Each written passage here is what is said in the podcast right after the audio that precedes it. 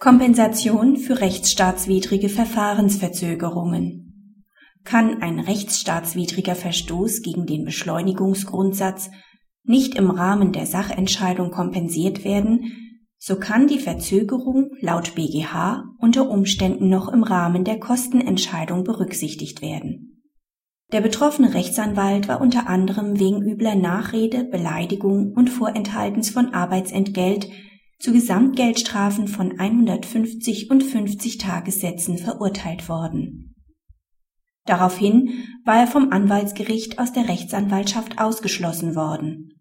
Die Berufung führte dazu, dass der Anwaltsgerichtshof den Rechtsfolgenausspruch dahingehend änderte, dass lediglich ein Verweis und eine Geldbuße in Höhe von 12.000 Euro verhängt wurden.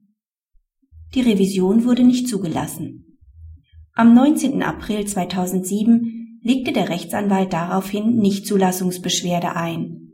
Erst am 23. März 2009 entschied der Anwaltsgerichtshof, dass der Beschwerde nicht abgeholfen werde. Die gegen diese Entscheidung gerichtete Beschwerde zum BGH blieb in der Sache zwar erfolglos. Die Bundesrichter stellten jedoch das Vorliegen einer rechtsstaatswidrigen Verfahrensverzögerung fest. Diese sei insbesondere darin zu sehen, dass der Anwaltsgerichtshof über die Nichtzulassungsbeschwerde erst nach Ablauf von fast zwei Jahren entschieden hatte. Diese Verzögerung könne hier zwar nicht im Rahmen einer Sachentscheidung kompensiert werden.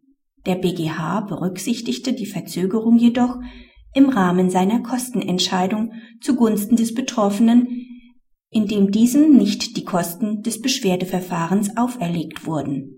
Praxishinweis.